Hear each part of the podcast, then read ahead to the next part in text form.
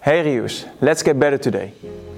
Heb jij dan ook wel eens dat je uit je werk komt en denkt: Oh, wat een drukke dag. Ik heb echt geen zin meer om uh, te gaan trainen straks. Je hebt lekker gegeten, je zit op de bank. Je denkt: Nou, ik kom die bank niet meer af. Hey, dat zijn de momenten dat je verliest van jezelf.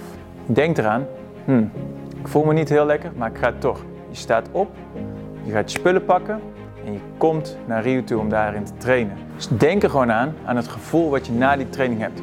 Want 9 van de 10 keer ben je enorm blij dat je uiteindelijk toch bent geweest. En daarnaast mag je ook gewoon trots op jezelf zijn, want je hebt van dat ene stemmetje in je hoofd wat constant zegt: hé, hey, je moet niet gaan, heb je gewonnen. Dus je hebt vandaag twee vliegen in één klap geslagen. En van je stemmetje gewonnen en je hebt een enorme goede training gedaan. En als je dan eenmaal bij Rio bent, zullen wij ervoor zorgen dat je geen spijt van hebt dat je hier naartoe bent gekomen. Want wij zullen zorgen voor een enorme goede training. Dus hou dat in gedachten.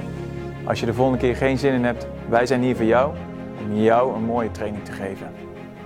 Tot zo.